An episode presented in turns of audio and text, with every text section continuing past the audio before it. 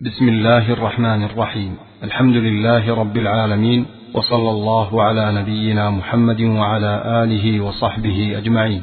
يسر مركز الوسائل بوزارة الشؤون الإسلامية والأوقاف والدعوة والإرشاد بالمملكة العربية السعودية أن يقدم لكم المكتبة الصوتية لمعالي الشيخ صالح بن عبد العزيز آل الشيخ. وعنوان هذه المادة ضرورة التفقه في الدين. بسم الله الرحمن الرحيم. الحمد لله. بعث محمدا بالهدى ودين الحق ليظهره على الدين كله ولو كره المشركون.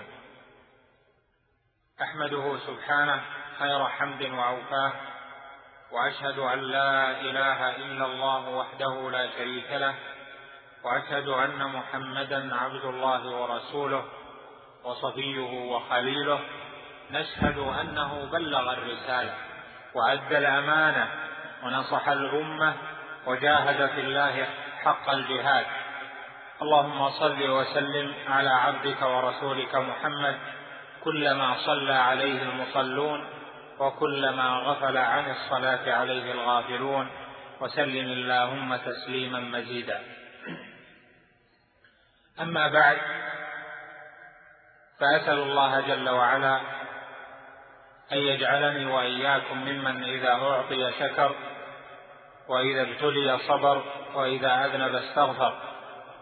كما أسأله سبحانه أن يمنحني وإياكم الفقه في دينه والصبر على ذلك وأن ينور قلوبنا بكتابه وسنة نبيه صلى الله عليه وسلم وأن لا يحجب ذلك عنا بذنوبنا إنه سبحانه سميع قريب.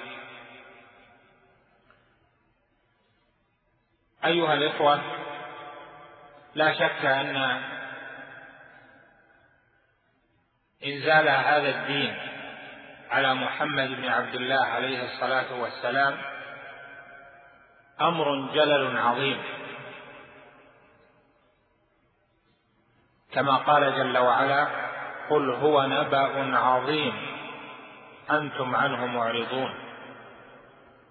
وقال سبحانه عم يتساءلون عن النبأ العظيم. فالقرآن نبأ عظيم ودين الإسلام نبأ عظيم. وبعثة محمد عليه الصلاة والسلام نبأ عظيم. ولهذا وجب على الجميع من العقلاء وذوي الألباب الذين يعلمون ما يصلحهم في دنياهم وفي آخرتهم أن يرفعوا راسا بهذا الدين وأن يقبلوا عليه كما أقبل عليه الرعيل الأول من صحب رسول الله صلى الله عليه وسلم الذين وصفهم الله جل وعلا في قوله محمد رسول الله والذين معه أشداء على الكفار رحماء بينهم تراهم ركعا سجدا. الآية. والرعيل الأول من صحابة رسول الله صلى الله عليه وسلم أمروا فاتمروا ونهوا فانتهوا. وعمرت قلوبهم بالإيمان وعمرت نفوسهم بتوحيد الله جل وعلا وبالإقبال على القرآن والفقه فيه. لهذا حفظ هذا الدين بنقل العدول عن العدول عن العدول إلى صحابة رسول الله صلى الله عليه وسلم. فالعلم هو الذي أورثناه محمدا عليه محمد عليه الصلاة والسلام. ولهذا قال عليه الصلاة والسلام إن الأنبياء لم يورثوا دينارا ولا درهما وإنما ورثوا العلم فمن أخذه أخذ بحظ وافر. وقال أيضا عليه الصلاة والسلام مثل ما بعثني الله به من العلم والهدى كمثل الغيث الكثير أصاب أرضا الحديث الذي في الصحيحين. فإذا كوننا على ميراث من دين الإسلام ليس هذا أمرا هينا وليس هذا بالأمر السهل بل هذا أمر عظيم وإنما يتفطن لعظمته أولو الألباب وأولو العقول. وهذا الدين أوجب الله جل وعلا على عباده أن يتعلموه. فقال سبحانه فاعلم أنه لا إله إلا الله واستغفر لذنبك وقال جل وعلا فلولا نفر من كل فرقة منهم طائفة ليتفقهوا في الدين. ولينذروا قومهم إذا رجعوا إليهم لعلهم يحذرون. ولا شك أن بقاء الدين عزيزا إنما يكون ببقاء العلم وببقاء العلماء. بهذا صح عنه عليه الصلاة والسلام كما في البخاري وغيره أنه قال إن الله لا ينتزع لا ينزع العلم انتزاعا. وفي رواية قال لا يقبض العلم انتزاعا ينتزعه من صدور العلماء ولكن يقبض العلم بموت العلماء حتى إذا لم يبق عالم وهي أصح من لم يبق عالما حتى إذا لم يبق عالم اتخذ الناس رؤوسا جهالا. فسئلوا فأفتوا بغير علم فضلوا وأضلوا. لم يحفظ هذا الدين إلا بتوفيق الله جل وعلا ورحمته ومنته ونعمته بسبب جهاد الصحابة رضوان الله عليهم في امتثال العلم. الذي ورثهم إياه عليه النبي عليه الصلاة والسلام. لهذا كان من أعظم أنواع الجهاد بل هو أعظم أنواع الجهاد الجهاد في التفقه في الدين والتعلم. ولهذا جاء ابن عب جاء ابن عباس رجل فقال له يا ابن عباس رضي الله عنهما قال له يا ابن عباس إني أريد الجهاد في سبيل الله. فقال له ابن مسجدا وتعلم العلم وعلم فيه الفرائض والسنن فذاك أفضل. ولهذا ذهب جمهور العلماء إلى أن طلب العلم وطلب الفقه في الدين أفضل من جهاد التطوع. الذي لم يتعين على المسلم.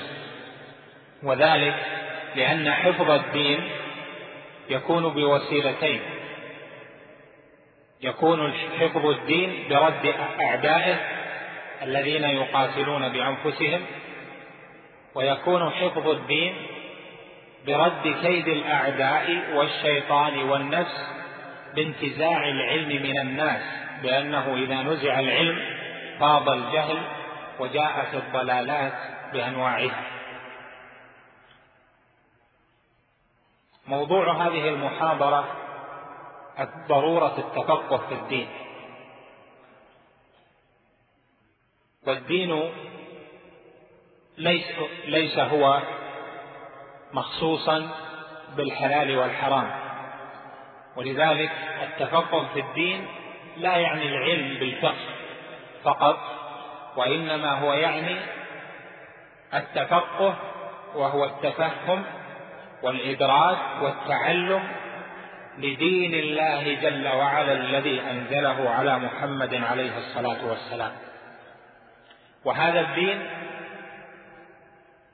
له علوم متنوعة قسمها العلماء مع دخولها في علم الدين وعلم الفقه قسمها العلماء لأجل تنويع الطلب وتيسير الطلب على الناس.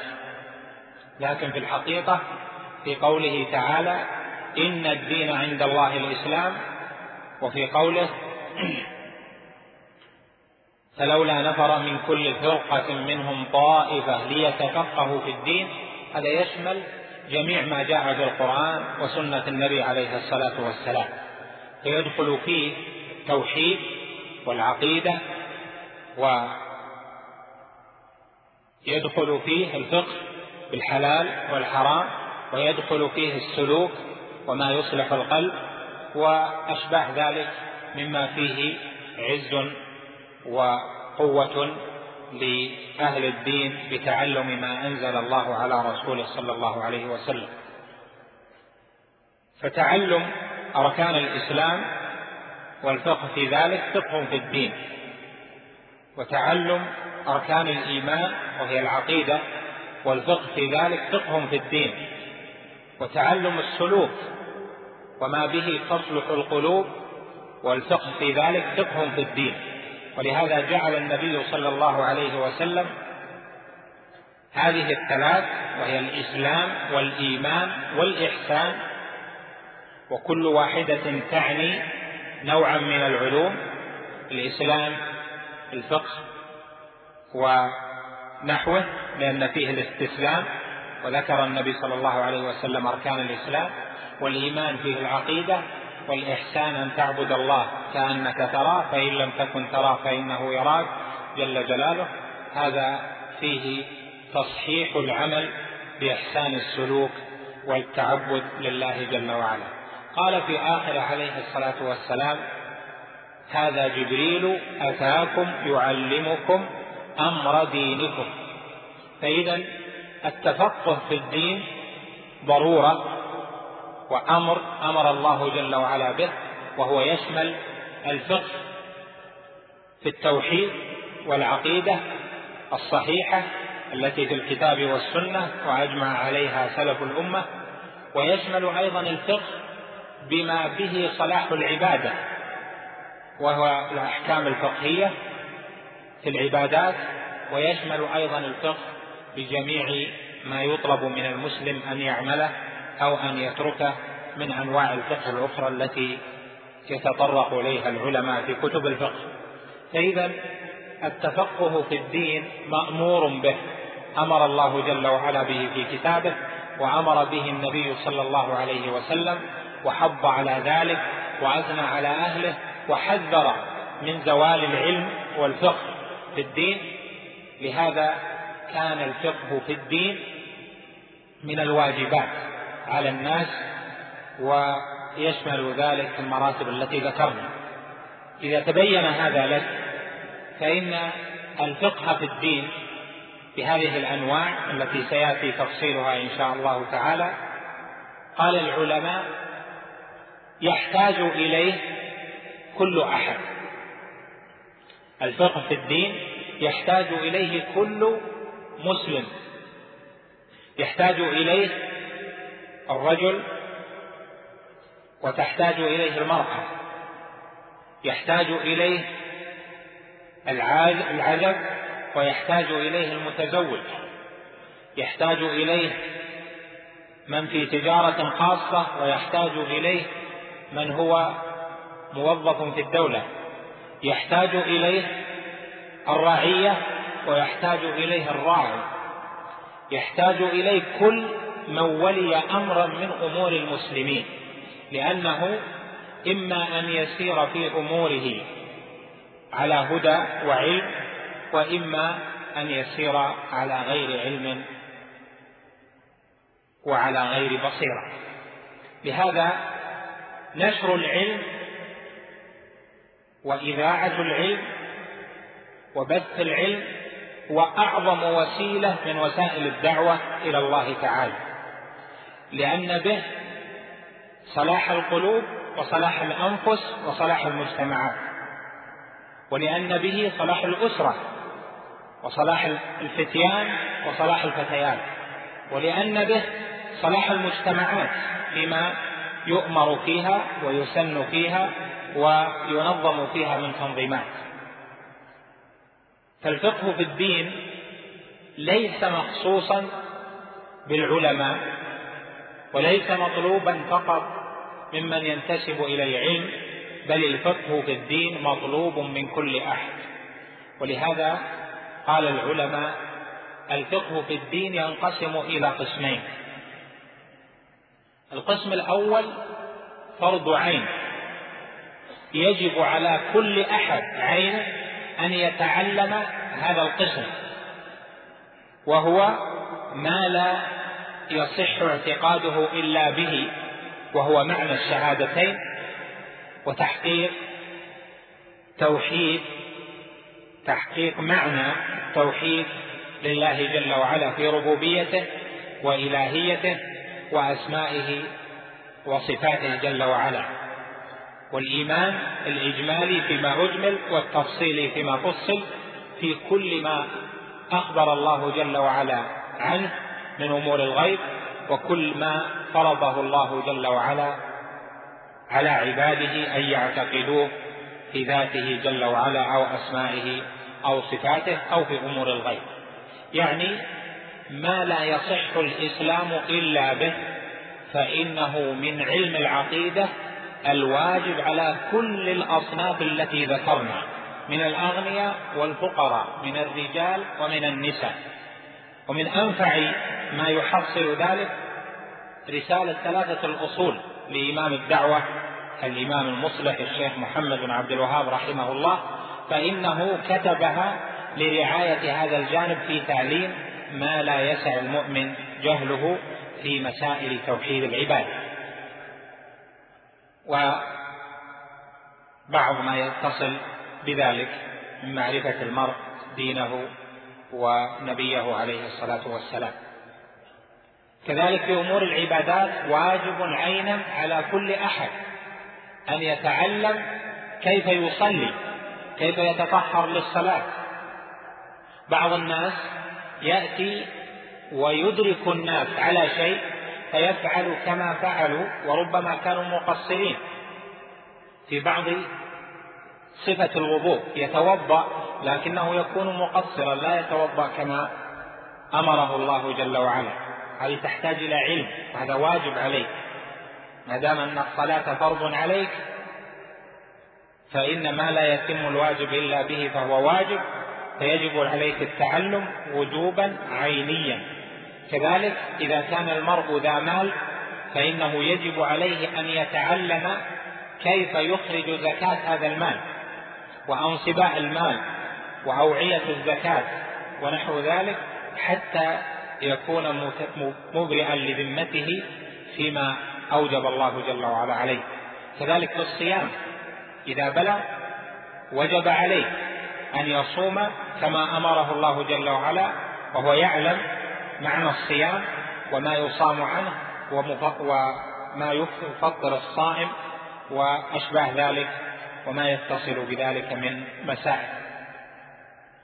كذلك إذا أراد الحج وجب عليه أن يتعلم أركان الحج وواجبات الحج لأن هذا علم مفروض. واجب على كل أحد أن يؤدي العبادة بعد علم.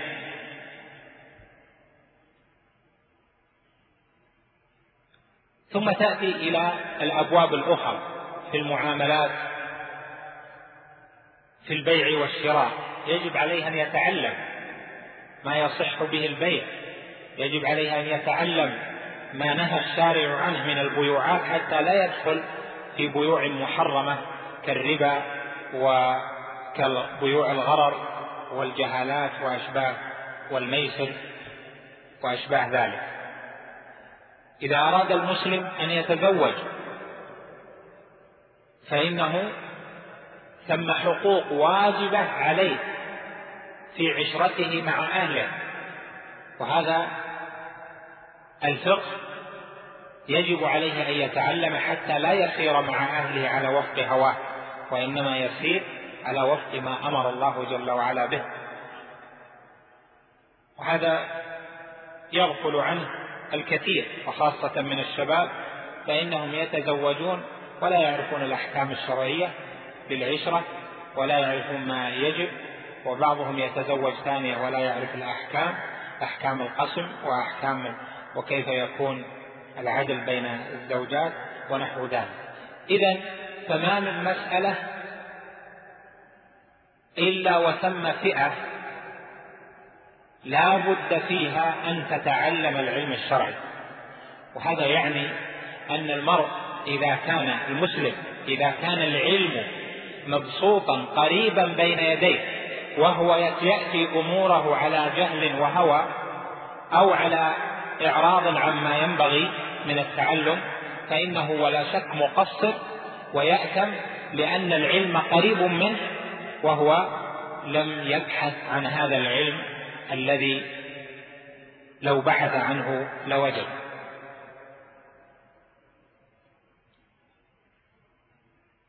كذلك في مسائل المحرمات الموبقات السبع الشرك بالله جل وعلا والسحر وقتل النفس التي حرم الله إلا بالحق إلى آخر الموبقات السبع. هذه المحرمات حرمة الزنا حرمة الخمر حرمة الربا حرمة الرشوة ونحو ذلك من المحرمات التي أجمع العلماء عليها والتي تحريمها صار من المعلوم من الدين بالضرورة. هذا يجب على كل أحد أن يتعلم ذلك هذه المحرمات وما يتصل بها وأن يحذر من الوقوع فيها. فإذا دين الله جل وعلا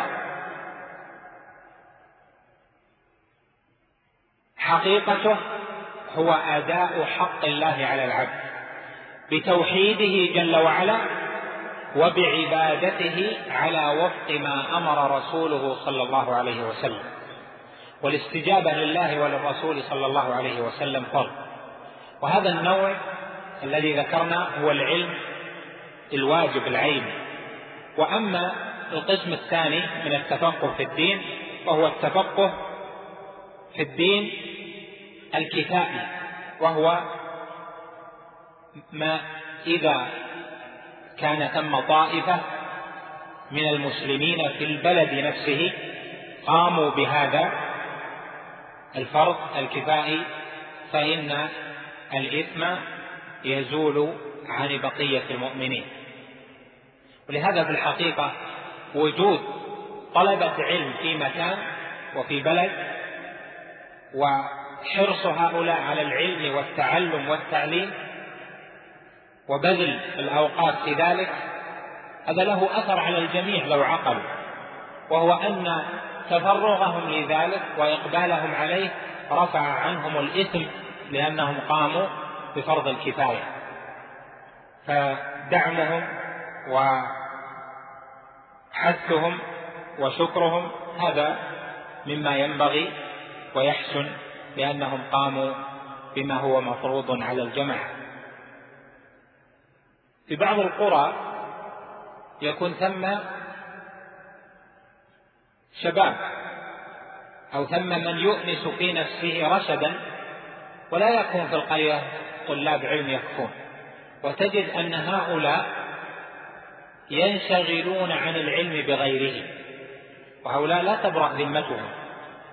لأن الأصل كما قال العلماء أن كل بلد له حكمه في وجود وتحقيق الفرض الكفائي. فلا يقال في البلد نحن قريبون من البلد الفلانية لأن هذا خلاف الأصل. والأصل أن كل بلد يخاطب أهلها بوجود بعض طلبة العلم ومن يتعلمون العلم الكفائي حتى ينفعوا أهل البلد وحتى يعلموا أهل البلد ما ينفعهم في دينهم وما يجب عليهم ويحرم عليهم في دين الله. بهذا نقول إن الواقع مع هذا الإقبال الذي نشهده العلم وطلب العلم لكن الواقع أن العلم والفقه في الدين الناس معه مقصرون جدا. والناس اليوم كثير كثير. فهل يحتاجون إلى ألف طالب علم أو إلى ألفين أو إلى عشرة آلاف أو إلى أكثر؟ يحتاجون إلى أكثر وأكثر. وكل أهل البلد يجب عليهم التفقه في الدين تفقها عينيا فيما يجب عينا فيه وتفقها كفائيا فيما يجب كفائيا فيه. وما أعظم قول النبي عليه الصلاة والسلام؟ من يرد الله أن يهديه يفقهه كما جاء في أحد روايات حديث ابن عمر. وفي الرواية المشهورة من يريد الله به خيرا يفقهه في الدين. والحظ الرواية الأولى من يريد الله أن يهديه يفقهه. لأن حقيقة الفقه هي أن ينشرح الصدر للإسلام بكله. فمن يريد الله أن يهديه يشرح صدره للإسلام. ومن يريد أن يضله يجعل صدره ضيقا حرجا كأنما يصعد في السماء. إذا تبين لك ذلك وأنه يجب على كل مسلم أن يتعلم العلم العيني ويجب على جماعة المسلمين في كل بلد أن يكون منها طلاب علم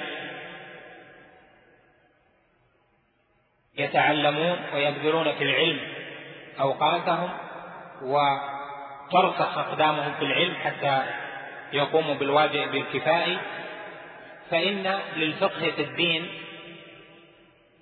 لمن أراد أن يطلبه له منهج. ومن الناس من يريد ولكن لا منهج عنده لتحصيل العلم فلذلك يدرك بعضا ويفوته بعض ويكون مشتتا بين ذا وذاك. أما التوحيد والفقه في التوحيد وهو الذي سماه بعض العلماء الفقه الأكبر لأن الله جل وعلا قال ليتفقهوا في الدين والعلماء سموا العلم بالأحكام العبادية والمعاملات إلى آخره سموها فقها فسموا ما يقابله الفقه الأكبر لأنه الأهم والأعظم. هذا الفقه الأكبر وهو توحيد الله جل وعلا له منهج في طلبه والعلم به. وليس العلم به تجميع مسائل أو أجوبة من الشيخ الفلاني والعالم الفلاني أو قراءة الفتاوى ليس ذلك. هذا زاد في الطريق لكن العلم بالتوحيد له منهج. التوحيد أو العقيدة يقسمها العلماء إلى قسمين. القسم الأول التوحيد وهو ما يدخل في التوحيد الربوبية والألوهية والأسماء والصفات. والثاني العقيدة التي تدخل في أركان الإيمان الستة الإيمان بالله وملائكته وكتبه ورسله واليوم الآخر وبالقدر خيره وشره. والتي جاءت في الآيات وفي حديث جبريل.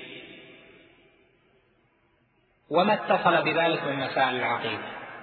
هذا التوحيد الفقه فيه هو أعظم ما يتقرب به العبد إلى ربه. لأنه أعظم الفرائض. قد صح عنه عليه الصلاة والسلام أنه قال وما تقرب إلي عبدي بشيء أحب إلي مما فرضته عليه. فهذا الفرض وهو العلم بالتوحيد العلم بالعقيدة هذا من أوجب الواجبات. كيف تتعلم؟ وما هو المنهج في ذلك؟ هذا من أعز المطالب.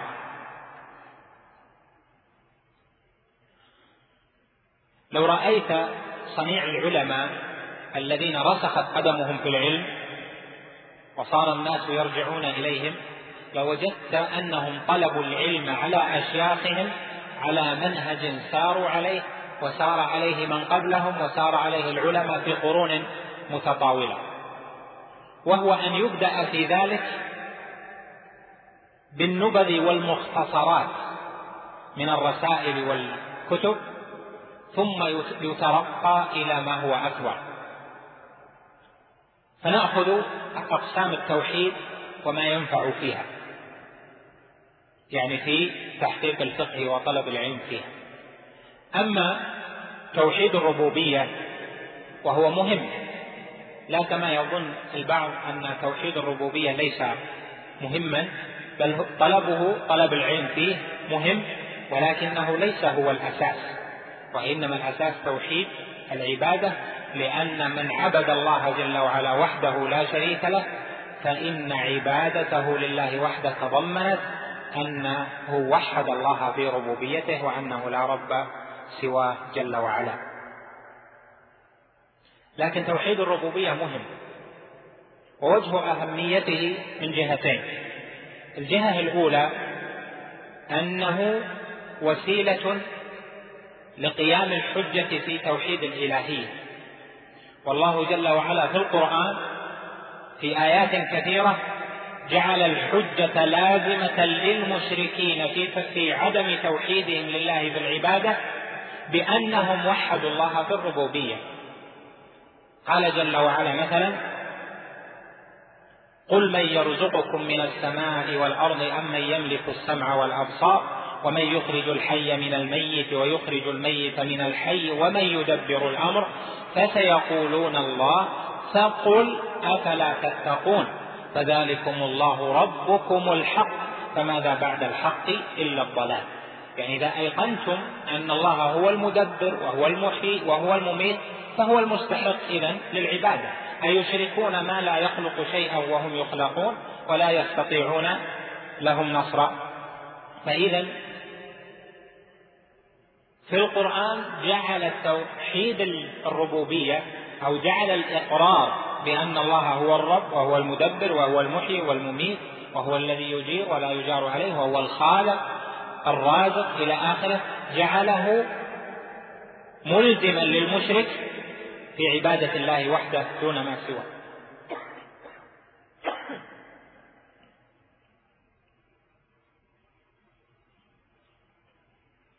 وهذا كثير في آيات القرآن.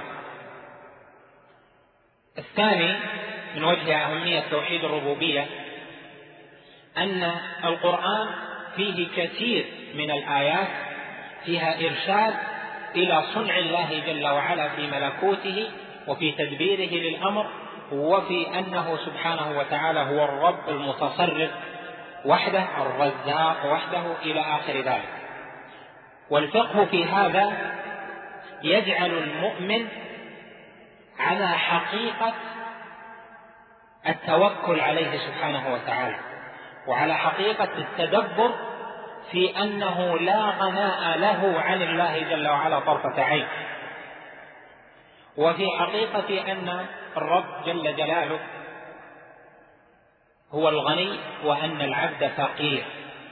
وإنما يأتي الخلل في العبادة ويأتي الخلل في عدم الخضوع والخشوع ويأتي الخلل في ارتكاب المنكرات وفي اقتحام المحرمات وفي التفريط في الواجبات إذا لم تعمر محبة الله جل وعلا القلوب ولم يجل جل وعلا أعظم الإجلال ولم يخف منه فإن المرء كلما تدبر ونظر وكلما علم الآيات التي فيها أن الله هو الرب جل وعلا وحده وهو المتصرف يعني ما يدخل في توحيد الربوبية وأن كل شيء إنما هو بيده سبحانه وتعالى. كلما عمر هذا القلوب كلما خشعت وخضعت ولو كادته الناس جميعا لما أبه بذلك. وهذا يؤدي يعني عدم الاهتمام بالفقه في توحيد الربوبية يؤدي إلى ضعف القلوب تجاه الناس وإلى ضعف القلوب في التمسك ويكون الخشوع ضعيفا لأنه لم يجل الله جل وعلا ولم يرى بديع بل لم يرى بديع صنع الله جل وعلا في كل شيء. ولقد أحسن القائل وفي كل شيء له آية تدل على أنه الواحد سبحانه وتعالى. الفقه في توحيد الربوبية كيف يكون؟ في أن تتأمل تفسير القرآن في الآيات التي فيها ذكر عظمة الله جل وعلا. وأنت تقرأ هذه الآيات تتعلم التفسير ليظهر لك ما فيها من العلم بالتوحيد. ثم ثانيا أن تنظر إلى كتاب لابن القيم رحمه الله وهو كتاب مفتاح دار السعادة. فإنه من أعظم الكتب في بيان ما به تستقر عظمة الله جل وعلا في نفس المسلم ويعظم بها محبته ورجاؤه والخوف منه جل جلاله. وهذا أيضا يعلم, يعلم بوسائل أخرى. أما توحيد العبادة فالمنهج في طلبه أن يبتدئ بالمختصرات وخاصة كتاب ثلاثة الأصول لإمام الدعوة كما ذكرنا ثم كتاب التوحيد ثم بعده كتاب كشف الشبهات. وهذه الثلاث مراتب مهمة في أن يطلب الأول على شيخ أو أن يقرأه بنفسه وأن يقرأ كتاب التوحيد على عالم أو أن يقرأه بنفسه أو يقرأ كشف الشبهات أيضا على عالم أو أن يقرأه بنفسه بحسب ما تيسر له. لكن المنهج أن تقرأه على عالم أو أن تستمع أشرطة فيها شرح للعلماء على هذه الكتب. هذا من أهم المهمات أن يتعلم العبد مسائل التوحيد. تأمل قول الله جل وعلا عن إبراهيم الخليل عليه السلام واجنبني وبني أن نعبد الأصنام قال إبراهيم التيمي من سادات التابعين قال خاف إبراهيم البلاء عن نفس على نفسه. فدعا أن يجنبه الله عبادة الأصنام فمن يأمن البلاء بعد إبراهيم؟ ولهذا من خاف من شيء هرب منه إلى ضده. هرب منه إلى ما ينجيه. ففروا إلى الله. لا مفر من الله إلا إليه سبحانه وتعالى. فإذا خفت حقيقة من الشرك ومن أن يحبط عملك بأن تعمل شركا وأنت لا تدري أو أن تعمل شيئا وأنت مفرط العلم موجود لكنك لا تسأل أو أن يكون عندك وأمامك ما يحبط بعض العمل أو ينقص الأجر أو تكسب به السيئات بما يتصل بالتوحيد وأنت لا تتعلم لا شك أن هذا مما يأثم به العبد ومما ينقص حسناته في بعض المسائل. لهذا واجب أن تتعلم حقيقة التوحيد والشرك وصور التوحيد وصور الشرك ومن أعظم ما ينفعك في هذا كتاب التوحيد الذي هو حق الله على العبيد للشيخ الإمام محمد بن عبد الوهاب رحمه الله ثم المرتبة الثالثة كشف الشبهات. وكشف الشبهات مهمة لأن طالب العلم بعد معرفته لثلاثة الأصول وهو معرفة العبد ربه ومعرفة العبد دينه ومعرفة العبد نبيه عليه الصلاة والسلام بعد معرفته يحتاج إلى الأدلة في التوحيد بالتفصيل والشرك وأنواعه الأكبر والأصغر والخفي ومسائل من توحيد الأسماء والصفات والربوبية إلى آخره.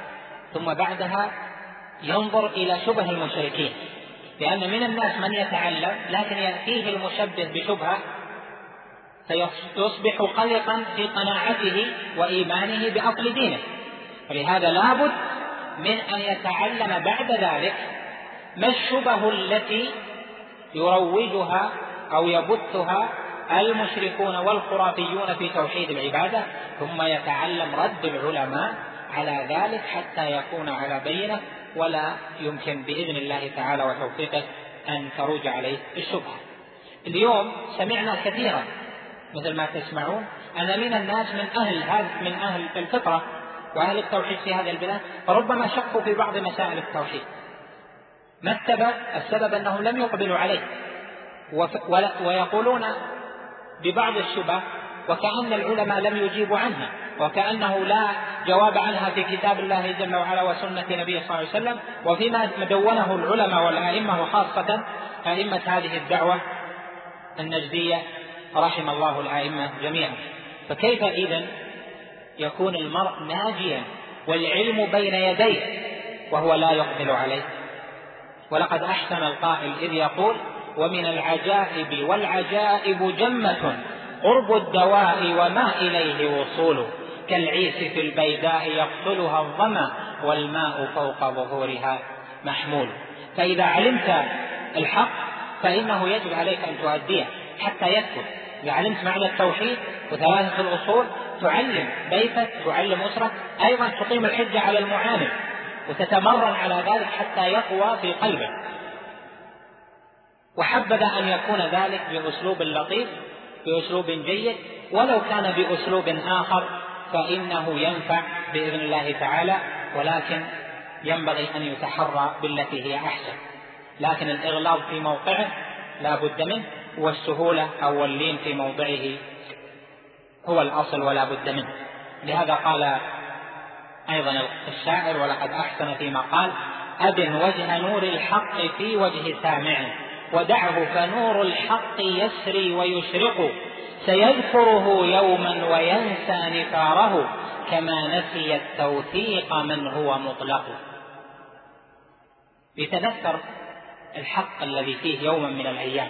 فلهذا ابذل ما عندك بعد التعلم فإنه سبب ووسيله إلى ثبات العلم. والذي يتعلم ولا يبذل العلم تعليما لأهله لصغاره لمن حوله أهل حية للناس فيما يحسنه. من لا يبذل العلم في الأمر بالمعروف والنهي عن المنكر في الكتابة إلى آخره فإنه ربما ضعف في هذا الجانب. وقد قال جل وعلا ولو أنهم فعلوا ما يوعظون به لكان خيرا لهم وأشد تثبيتا. واذا لآتيناهم من لدنا أجرا عظيما ولهديناهم صراطا مستقيما ومن يطع الله والرسول فأولئك مع الذين أنعم الله عليهم من النبيين والصديقين والشهداء والصالحين وحسن أولئك رفيقا. ذلك الفضل من الله وكفى بالله عليم. اذا التعلم له منهج فبعد أن تتعلم ابذل العلم بقدر المستطاع. ولهذا أنا أعجب من طائفة من طلبة العلم يتعلمون ولا يبذلون العلم. ابذل ما علمت بيقين علمته بأدلته وفهمته على العلماء والمشايخ ابذله. هل لا بد أن تبذله في محاضره في مسجد أو أن تلقي كلمة في مكان عام؟ ليس كذلك. تبذل العلم في بيتك تبذل العلم في دعوة تجتمعون فيها على الخير والصلاح تبذل فيها تأتي فيها بما ينفع. هذا بذل العلم. أنت ومن معك من زملاء أو أصدقاء وأصحاب تبذل فيها العلم وتكون المجالس عامرة بالعلم والفقه في الدين. هذا من أعظم ما ينفع في الفقه وفي الثبات عليه. وفي علم ما لا تعلم. وهذا قد جرب. فإن الذي يبذل العلم يعلم ما لا يعلم. وهذا من فتح الله جل وعلا وإنعامه على عبده. الثالث توحيد الأسماء والصفات. توحيد الأسماء والصفات يدخل في علم العقيدة الذي سيأتي بيانه فكتب العقيدة التي فيها بيان أركان الإيمان وما يتصل بذلك مختصة شرح بيان توحيد الأسماء والصفات. أما العقيدة فهي أعظم الفقه في الدين. التوحيد والعقيدة معا هي أعظم ما يتفقه به في الدين. والعقيدة الكتب فيها كثيرة. وهناك كتب للمتأخرين المعاصرين متنوعة المشارب والمذاهب. وهناك كتب علماء السلف. وهناك كتب متوسطة أيضا في القرون المتوسطة يعني ما بين القرن الثالث إلى القرن الرابع عشر أو إلى القرن الثاني عشر. هذه الكتب مختلفة وأيضا فيها اضطراب وفيها أخذ ورد متنوعات المشاهد. والذي يجب على كل من يريد الفقه في الدين وأن يطلب نجاته أن يهتم بالعلم الموروث في العقيدة عن سلف هذه الأمة. لما؟ لأن السلف الصالح على علم وقفوا وببصر نافذ كفوا. كما قال ابن مسعود وكما قال عمر بن عبد العزيز رحمه الله تعالى. إنهم يعني الصحابة وسادات التابعين على علم وقفوا وببصر نافذ كفوا يعني ما تكلموا فيه تكلموا فيه عن علم. وما كفوا عنه لم يكفوا عنه لأنهم ليسوا بعلماء ولا ليسوا بجريئين في الحق لا. ولكن لأنهم تكلموا بعلم فيما تكلموا فيه وكفوا بعلم وببصر نافذ فيما كفوا عنه.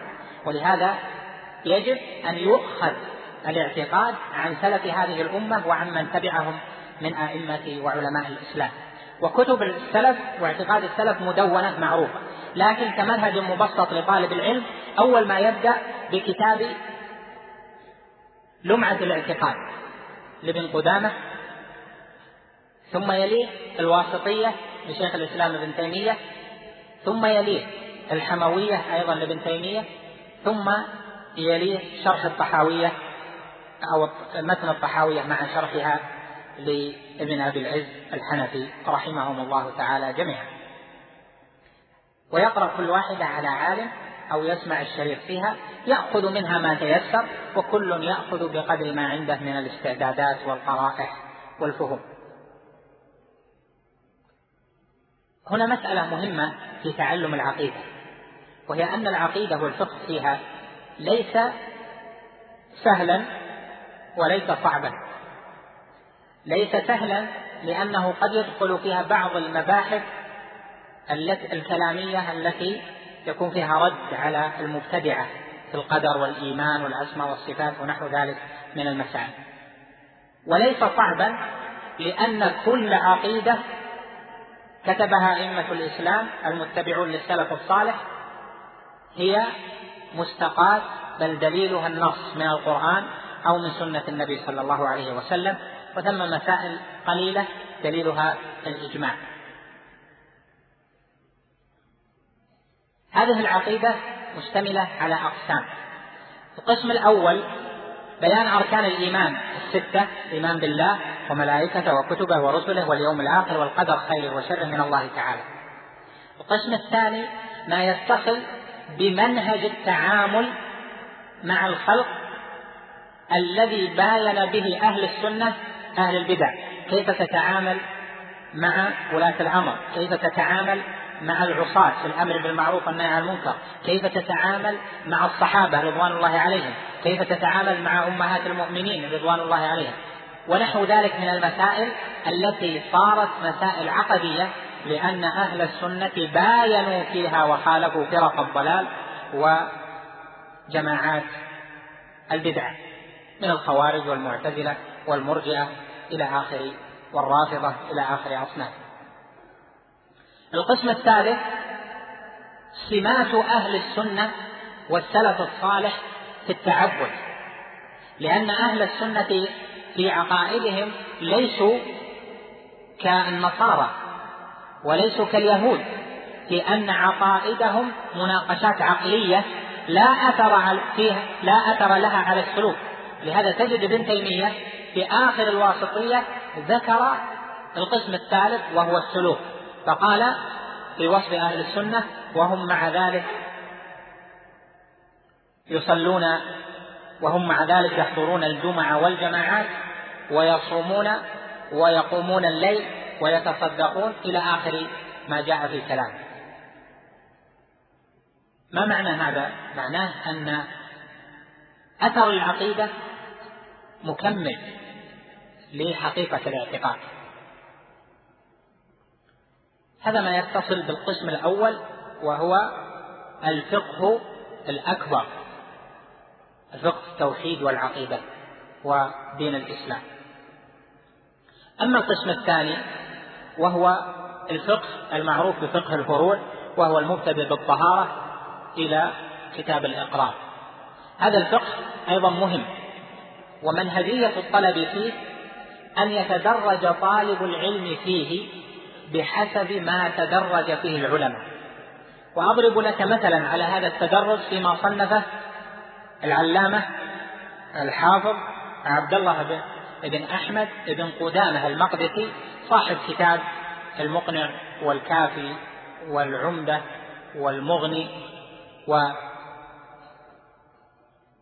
وكتب أخرى كثيرة. لما ألف كتبه في الفقه جعلها مرتبة على المنهج فجعل العمدة للمبتدئين وجعل المقنع بعده للمتوسطين وفوق المقنع الكافي لبداية المنتهين ثم بعده لأهل الاجتهاد جعل كتاب المغني. وهذه المرحلية مهمة. كتاب العمدة تميز بأنه كتاب مختصر فيه مسائل قليلة في كل باب وفي كل باب يذكر أصل الباب من الكتاب أو من السنة ولا يذكر الخلاف لا الخلاف العالي ولا الخلاف النازل ولا يذكر طبعا في ذلك خلاف المذهب والروايات آخرة إلا ما ندر جدا. فيعلم طالب العلم كيف يتعلم لكن يبتدئ بكتاب مطول متى ينتهي منه؟ والبحر إذا كان عميقا ولم يحسن المرء السباحة فإنه يتأذى وقد يغرق ويتخلف عن ركب العلم. لهذا تبتدئ بالعمدة شيئا فشيئا ثم بعد ذلك تنتقل إلى المقنع. المقنع مرتبة ثانية أو مختصرات المقنع وما جاء عنه مرتبة ثانية. لماذا؟ لأنه جعل المسائل أطول قليلا ويذكر في بعض المسائل الخلاف. ليمرن طالب العلم خلاف في المذهب. يقول في هذه المسألة روايتان وفيها وجهان. يمرن طالب العلم على بعض مسائل الخلاف. المرتبة الثالثة في كتاب الكافي. تجد أنه في شرحه للفقه جعل الكتاب أوسع من المقنع وجعل فيه الخلاف بأعلى يذكر عدة روايات في أكثر المسائل والأوجه وربما ذكر خلاف غير المذهب على ندرة ويذكر أيضا الأدلة التي استدل بها علماء المذهب. ثم في المرتبة الرابعة للمجتهدين الكتاب المغني وفيه أكثر المسائل والخلاف العالي والنازل والأدلة وما احتج به الحنابلة وما احتج به أصحاب المذاهب الأخرى. هذا يعطيك منهجية لأن عددا من طلاب العلم رأوا أن الفقه طويل فأخذوا يجمعون الفقه عن طريق الفتاوى. يقرأ فتاوى العلماء ويجمع فتاوى المشايخ ويبدأ يقرأ هذا لا يحصل فقها الفتاوى تطبيق للفقه على النوازل الفقه أكمل وأشمل وأعظم من الفتوى لأنه قبل التطبيق. بعد ذلك رعاية الواقع في في الفتوى هذا تطبيق للفقه على الواقع وتنزيل له على المسألة لهذا لا يمكن أن يحصل العلم ويسير في منهجية من يقرأ الفتاوى فقط. ولكن الفتوى مساندة للطلب المنهجي سواء في التوحيد الفتاوى في توحيد العبادة في العقائد أو في الفقه فإنها تسانده لأنه به يحصل للمرء التدريب ويحصل لطالب العلم معرفة بحكم العلماء في الواقع إذا تبين لك ذلك فهل هذه هذا الذي ذكرنا مما يختص به طلبة العلم؟ لا. هل هذا ما يخاطب به إلا العلماء وطلبة العلم ممن يعلم أو يتعلم على هذه على هذا المنهج؟ لا. لكن يمكن أن تدرج أنت حتى أفراد الأسرة.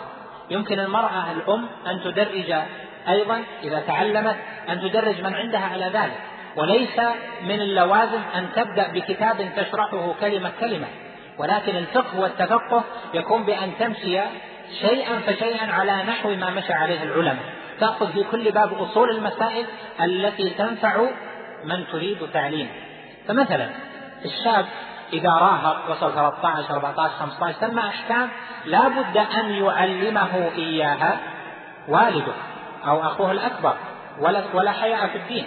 كذلك البنت المرأة إذا ناهزت الاحتلام أو قربت ثم أحكام لا بد أن تتعلمها.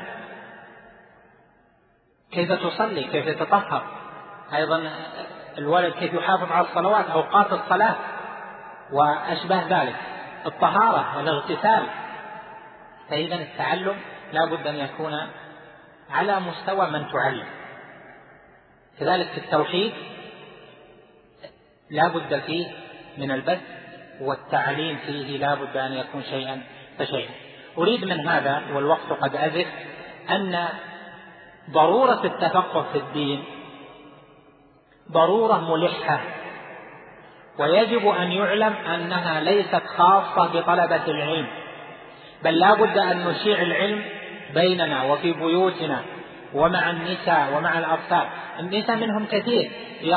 ربما راجع عليهم كلام بعض المشعوذين أو بعض القراء أو كلام النساء في مجالسهم.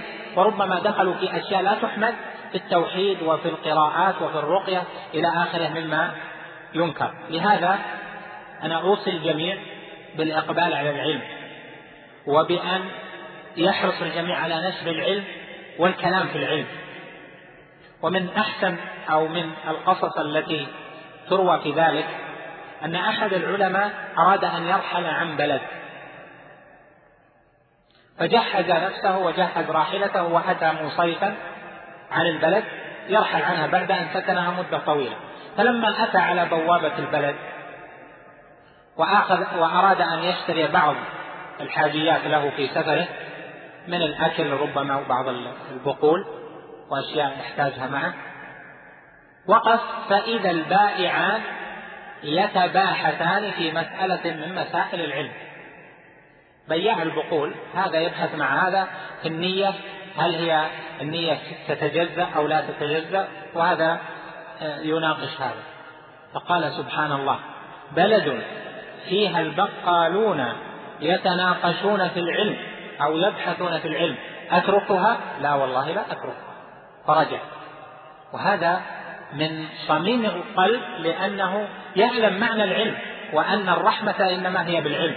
فكلما نشرتم العلم في بيوتكم وفي جلساتكم وكلما نشر العلم في المساجد ويتعلم طالب العلم ويتعلم المجالس ويتعلم الفارغ الذي ليس عنده من الشغل ما يشغله. يتعلم الناس هذا فيه إشاعة للخير وفيه إشاعة لما يحبه الله جل وعلا ويرضاه. ولهذا اعلم أن النبي صلى الله عليه وسلم إنما بعث بالعلم وإنما ورث العلم وعلينا الإقبال على التفقه في الدين وأن نأخذ ذلك على أعظم ما يجب. وأسأل الله جل وعلا أن يوفقني وإياكم لما فيه رضاه وأن يتقبل منا ومنكم صالح العمل وأن يمنحنا الفقه في الدين والإقبال عليه والتبقه في كتاب الله وفي سنة رسوله صلى الله عليه وسلم على هدي سلفنا الصالح. إنه سبحانه جواد كريم وصلى الله وسلم وبارك على نبينا شكر الله لفضيلة الشيخ ما قدم. سائل يقول ما هي الوسائل المعينة على التفقه في دين الله؟ الحمد لله. أعظم وسيلة للتفقه في دين الله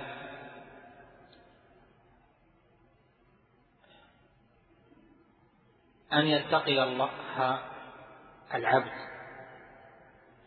وأن يقبل عليه راجيا خائفا.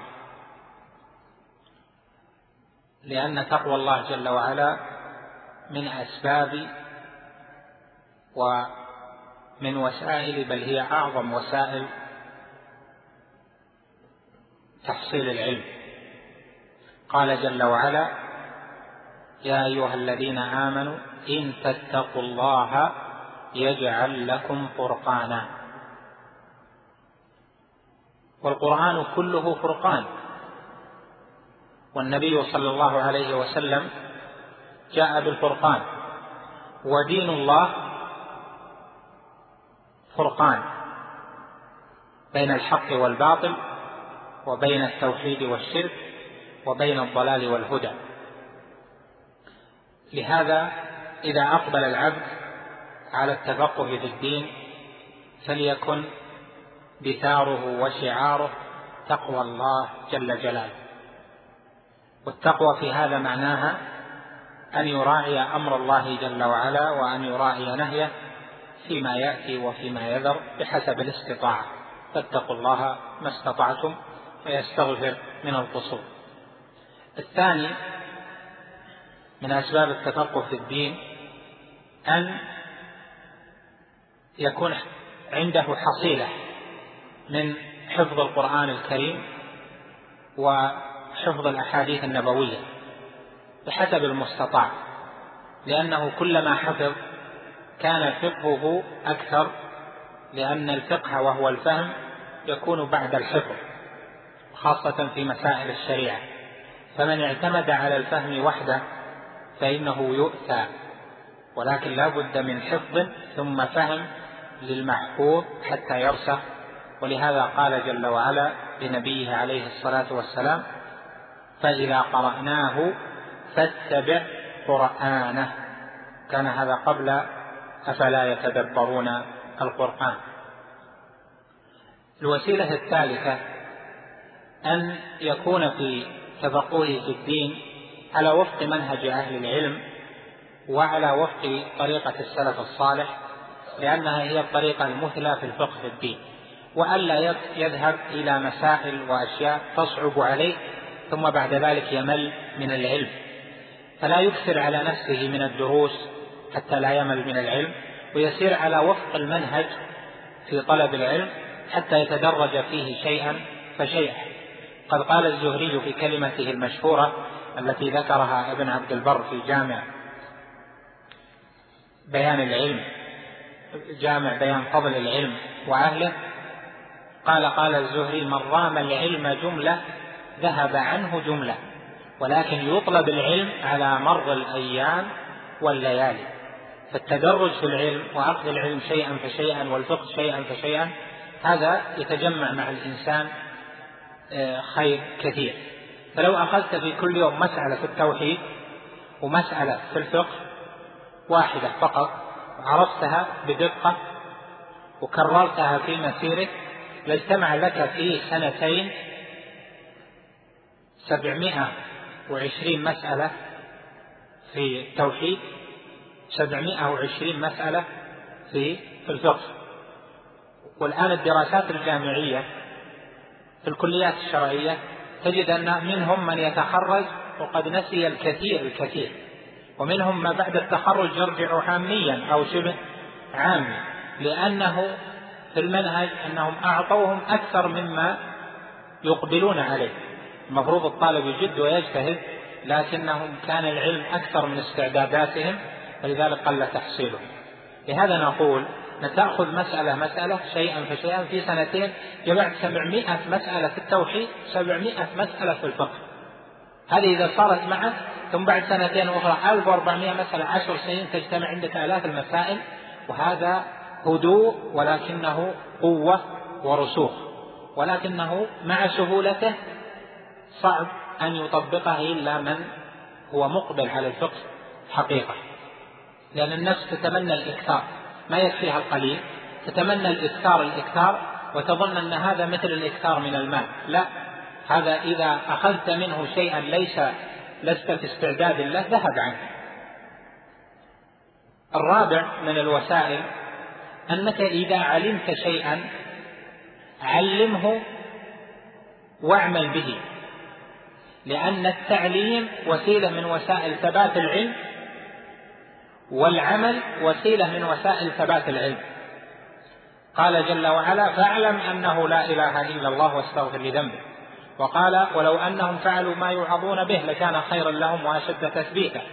قد قال السلف من علم من عمل بما علم أورثه الله علما ما لم يعمل.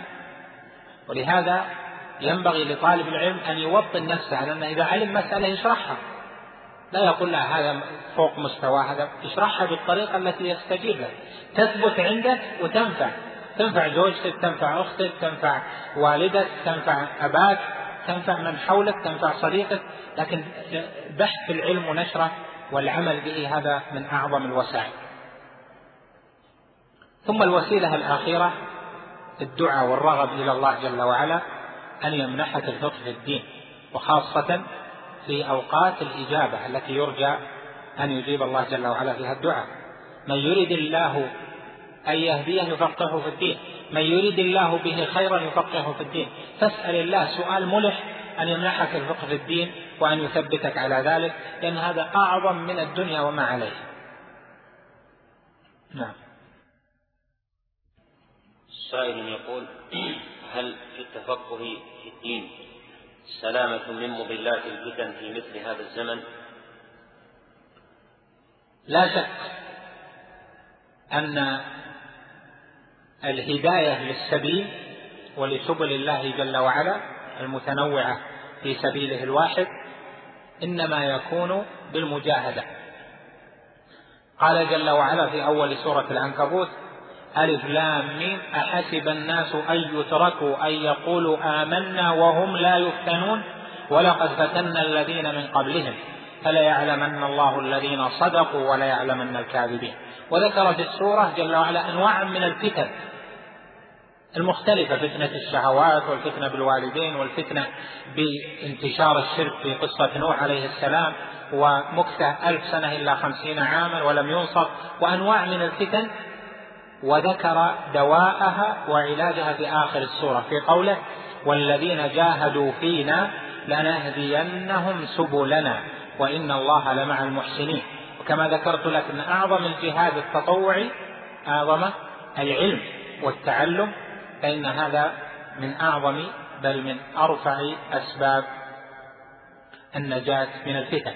لهذا في السورة نفسها بين الله تفاصيل ذلك بقوله اتل ما أوحي إليك من الكتاب وأقم الصلاة إن الصلاة تنهى عن الفحشاء والمنكر ولذكر الله أكبر والله يعلم ما تصنعون. سائل يقول هل من لم يتفقه في دين الله لم يرد به خيرا أو لم ترد له الهداية حسب مفهوم الأحاديث التي سبق أن ذكرتموها؟ الهداية والخير ينقسم إلى كمال وإلى درجات. فمن يرد الله به تمام الخير وكمال الهداية يمنحه الفقه في الدين. ومن لم يتفقه الفقه الواجب في التوحيد العيني والفقه الواجب في عباداته هذا ليس بمسلم أصلا أنه ليس معه توحيد وليس معه عبادة. ومن لم يتفقه الفقه الكفائي فهذا مسلم ومؤمن لكن هم درجات فله من الهداية بحسب استقامته. لكن كمال الهداية وكمال الخيرية موعود به أهل العلم. كما في قوله من يرد الله آه، به خيرا يفقهه في الدين يعني أن حقيقة الخير وكمال الخير إنما يؤتيه الله جل وعلا من أقبل على الفقه في الدين. ما توجيه فضيلتكم لمن لا يرى طلب العلم للناشئة بحجة أن طلب العلم ليس بأهم من التربية وأن طلب العلم يأتي بعد ذلك وهل ثم وسيلة للتربية أعظم من العلم؟ ابن عباس رضي الله عنه قال له النبي عليه الصلاة والسلام يا غلام إني أعلمك كلمات احفظ الله يحفظك احفظ الله تجده تجاهك. إذا سألت فاسأل الله وإذا استعنت فاستعن بالله. إلى آخر الحديث. وهنا وقفتان جوابا على السؤال الأولى الحظ قوله أعلمك. فتربية الغلمان تربية الشباب بالتعليم الذي يناسب مستواهم وبالطريقة المحببة إلى أنفسهم هذه هي الطريقة الصحيحة وهي الطريقة النبوية وهي الطريقة السلفية التي عملها السلف الصالح. لكن ليس معناه أنك تأخذ أبو تسع سنين وعشر سنين تقول له ادرس كتاب واشرحه. هذا بحسب اختلافات الناس واستعداداتهم لكن التعليم هو وسيلة التربية. ثم قال إذا استعنت فاستعن إذا سألت فاسأل الله وإذا استعنت فاستعن بالله. احفظ الله يحفظك احفظ الله تجده تجاهك هذا تعليم لإيش؟ بتوحيد الله جل وعلا. فإذا لا صلاح في التربية إلا بالتعليم وخاصة التعليم التوحيد وما به صلاح النفوس. لكن الوسيلة كيف تعلم؟ كيف توصل هذه المعاني إلى النفس؟ هذه تختلف باختلاف الناس والاستعدادات والزمان والمكان. سائل يقول هل حفظ القرآن الكريم مقدم على طلب العلم الشرعي؟ إذا آنس من نفسه استعدادا لحفظ القرآن ومقبل فيحفظ القرآن الكريم كاملا ثم يطلب العلم. هذا أفضل في حقه. وهو الذي كان عليه عمل العلماء فيما مضى. لا يقبلون من يقرأ عليهم إلا بعد حفظ القرآن. قد حدثني أحد مشايخنا حفظهم الله يقول رحم الله الميت وحفظ الحي يقول إني أتيت للشيخ محمد بن إبراهيم رحمه الله فقلت له أريد أن أقرأ عليك فقال حفظت القرآن؟ قلت لا. فقال اذهب احفظ القرآن ثم إيتي لتقرأ. قل فغبت عنه ستة أشهر معي همة وعزيمة حفظت فيها القرآن. ثم أتيته بعدها فقلت يا شيخ أنا حفظت القرآن أحسن الله إليك. قال اقرأ يقول فاختبرني في مواضع ثم قال بارك الله فيك. اقرأ في كتاب الثلاث دخل في حلقة. اللي عنده قوة في الحفظ وإقبال يحفظ القرآن ثم بعد ذلك يلتحق بحلق العلم. وإذا كان عنده من الوقت ما يحفظ في بعضه القرآن ويحفظ في بعض حلق العلم فهذا خير لكن حفظ القرآن هو العلم لأنه بما تحتج من لا سلاح عنده وحجة وبرهان بالقرآن فبما يحتج يحتج بمفاهيم ولا بآراء؟ إنما الحجة في الكتاب وفي سنة النبي صلى الله عليه وسلم. ولقد أحسن ابن القيم رحمه الله يقول في نونيته والجهل داء قاتل وشفاؤه أمران في التركيب متفقان.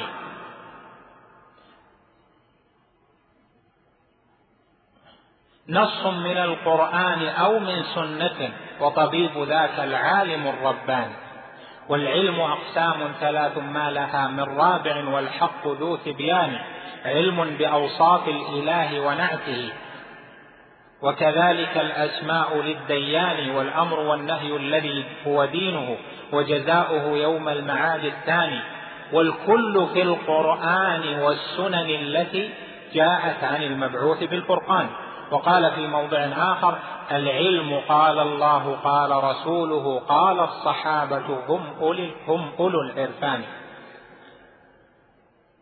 فإذا لابد من حفظ القرآن لتكون الحجة قوية. اللي ما يحفظ القرآن كيف يحتج؟ اللي ما يحفظ من السنة ما قدر له كيف يحتج وبما يستدل؟ هذا عجب. نعم. السائل يقول من أنواع الكفر الأكبر كفر الإعراض فما ضابط هذا الكفر؟ وهل يعتبر من يزهد في تعلم العلم الشرعي؟ معرضا الإعراض هو الناقض العاشر من نواقض الإسلام التي ذكرها إمام الدعوة في النواقض العشرة. فقال العاشر الإعراض عن دين الله لا يتعلمه ولا يعمل به. لا يتعلمه ولا يعمل به. مثل عمل الملاحدة عمل الذي لا يعبأ في هذا الدين ليس له همة في هذا الدين. لا في تعلم توحيد ولا في تعلم أحكام العبادة والصلاة إلى وليس له همة في العلم به. فهو لا يعلم الحق لا لأجل أن الحق لا يستطيع الوصول إليه ولكن لأجل إعراضه. كما قال جل وعلا بل أكثرهم لا يعلمون الحق فهم معرضون. وقال جل وعلا في سورة الكهف ومن أظلم ممن ذكر بآيات ربه فأعرض عنها ونسي ما قدمت يداه. ونحو ذلك من الآيات.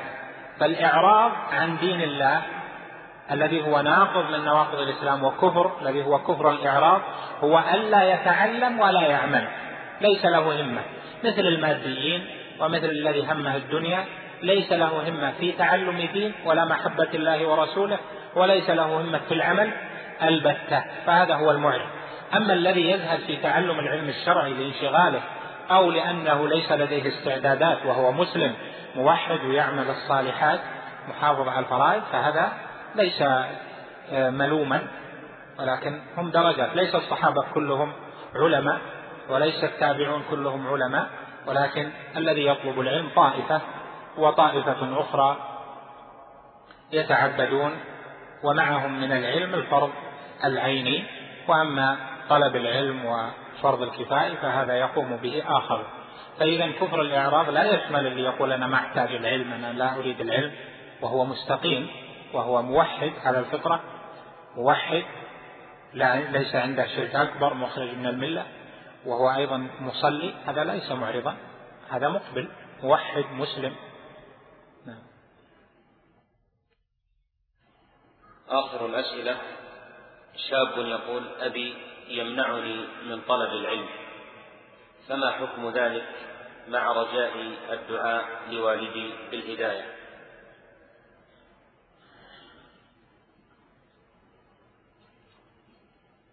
طلب العلم والفقه في الدين كما ذكرنا ضرورة.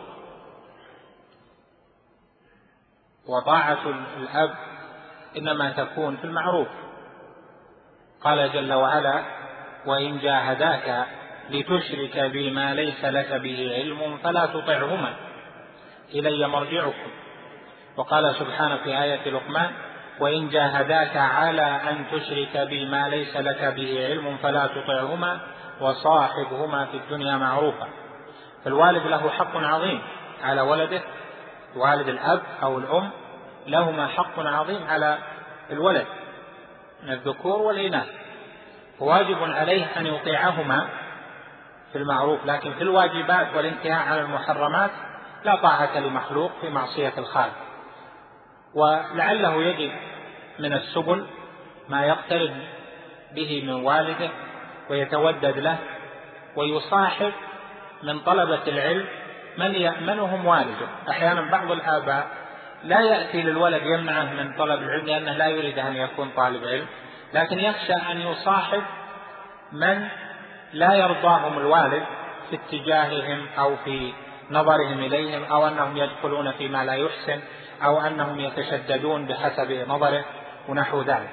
فهو يختار من يرتاح إليهم الوالد ويزورونه. وإذا اطمأن الوالد أيضا إلى طلبة العلم المصاحبين فإنه سيحث ولده لأن كل والد مشفق على ولده. ولا بد أن يكون عند الولد والابن البار من الوسائل ما به يتيسر هذا الأمر ويتيسر أيضا. أسأل الله جل وعلا للجميع التوفيق والسداد. وفي ختام هذا اللقاء لا بد من الدعاء والشكر للإخوة الذين دعوني إلى إلقاء هذه الكلمات لأنهم في الحقيقة سعوا في نفعي فأسأل الله جل وعلا أن يجزيهم خيرا وأن ينفعهم وأن ينفع بهم وأن يجعلنا وإياهم وإياكم من المتعاونين على البر والتقوى. كما أسأل المولى جل وعلا أن يجزي من بنى هذا المسجد خير الجزاء لما قام به وأن يجعله في صحائف أعماله التي تسره يوم لقاء. ونشكر الحي له ولكل من يسهم في إعمار المساجد في هذه البلاد المباركة لأن نشر المساجد وبذل المال فيها وفي تحسينها وتيسير السبل فيها للصلاة والعبادة والعلم ونحو ذلك. هذا من أعظم القربات التي يتقرب بها العبد إلى ربه جل وعلا. فأسأل الله أن يثيب الجميع وأن يجعل ما يقدمونه حجة لهم ونورا بين أيديهم يوم لقائهم لربهم جل وعلا.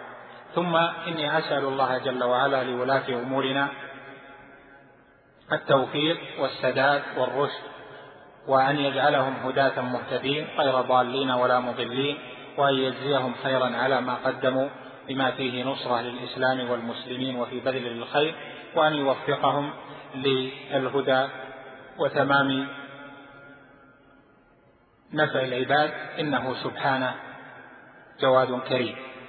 ولا بد من شكر الإخوة في المكتب التعاوني لتوعية للدعوة توعية الجاليات في النسيم على ما يبذلونه من جهود والتي منها آه، هذه المحاضرة وما يشابهها من محاضرات وفي بذل الدعوة للمسلمين في تثبيتهم وهدايتهم ولغير المسلمين في دخولهم للإسلام.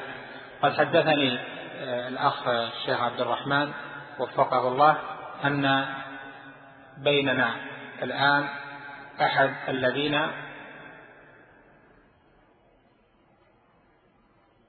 يريدون إشهار الإسلام على مسامعكم ليحدث له الدخول في هذا الدين ثم لنفرح جميعا بأن أنجى الله جل وعلا عبدا من عباده.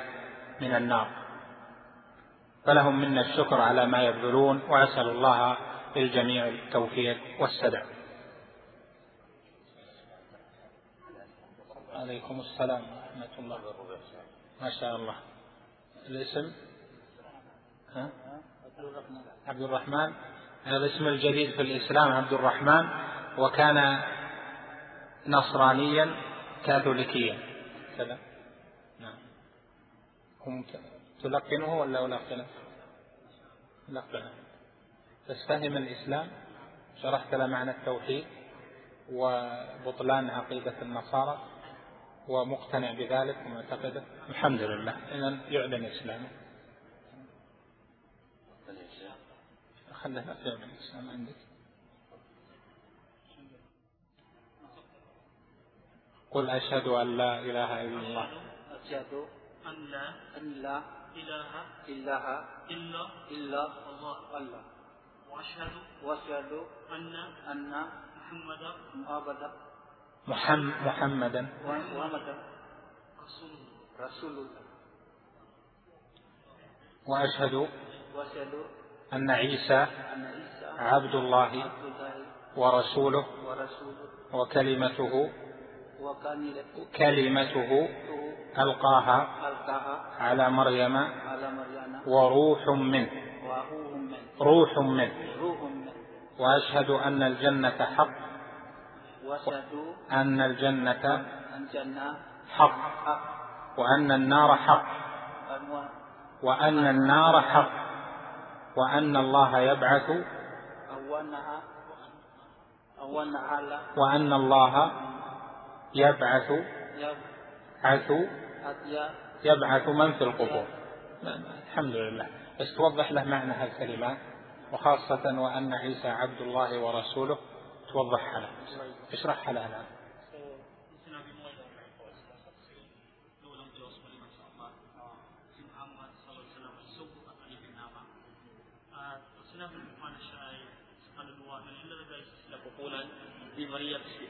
semuanya nawang kaipaan at ikaw ay sumasaksi na siya utos lamang Allah inutusan siya ng Allah sa propeta at ikaw ay sumasaksi ng impyerno ay katotohanan ang paraiso ay katotohanan at naniniwala ka na tayo babangunin ulit sa ating libingan at harap din ng Allah subhanahu wa ta'ala at gagawin mo palangan ang sino man ang sumusunod at parusahan ang sino ang sinusuway.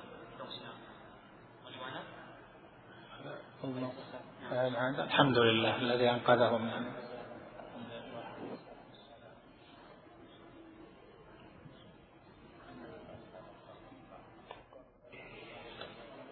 شكر الله لفضيلة الشيخ على ما قدم ونفعنا الله وإياكم بما سمعنا وجعل ذلك في ميزان حسنات الجميع. كما نشكر المكتب التعاوني للدعوة والإرشاد وتوعية الجاليات بالنسيم على هذه الجهود المباركة من توعية الجاليات ودعوتهم إلى الإسلام والله سبحانه تعالى أعلم. وصلى الله وسلم وبارك على نبينا محمد وعلى آله وصحبه أجمعين. مع تحيات مركز الوسائل بوزارة الشؤون الإسلامية والأوقاف والدعوة والإرشاد بالمملكة العربية السعودية.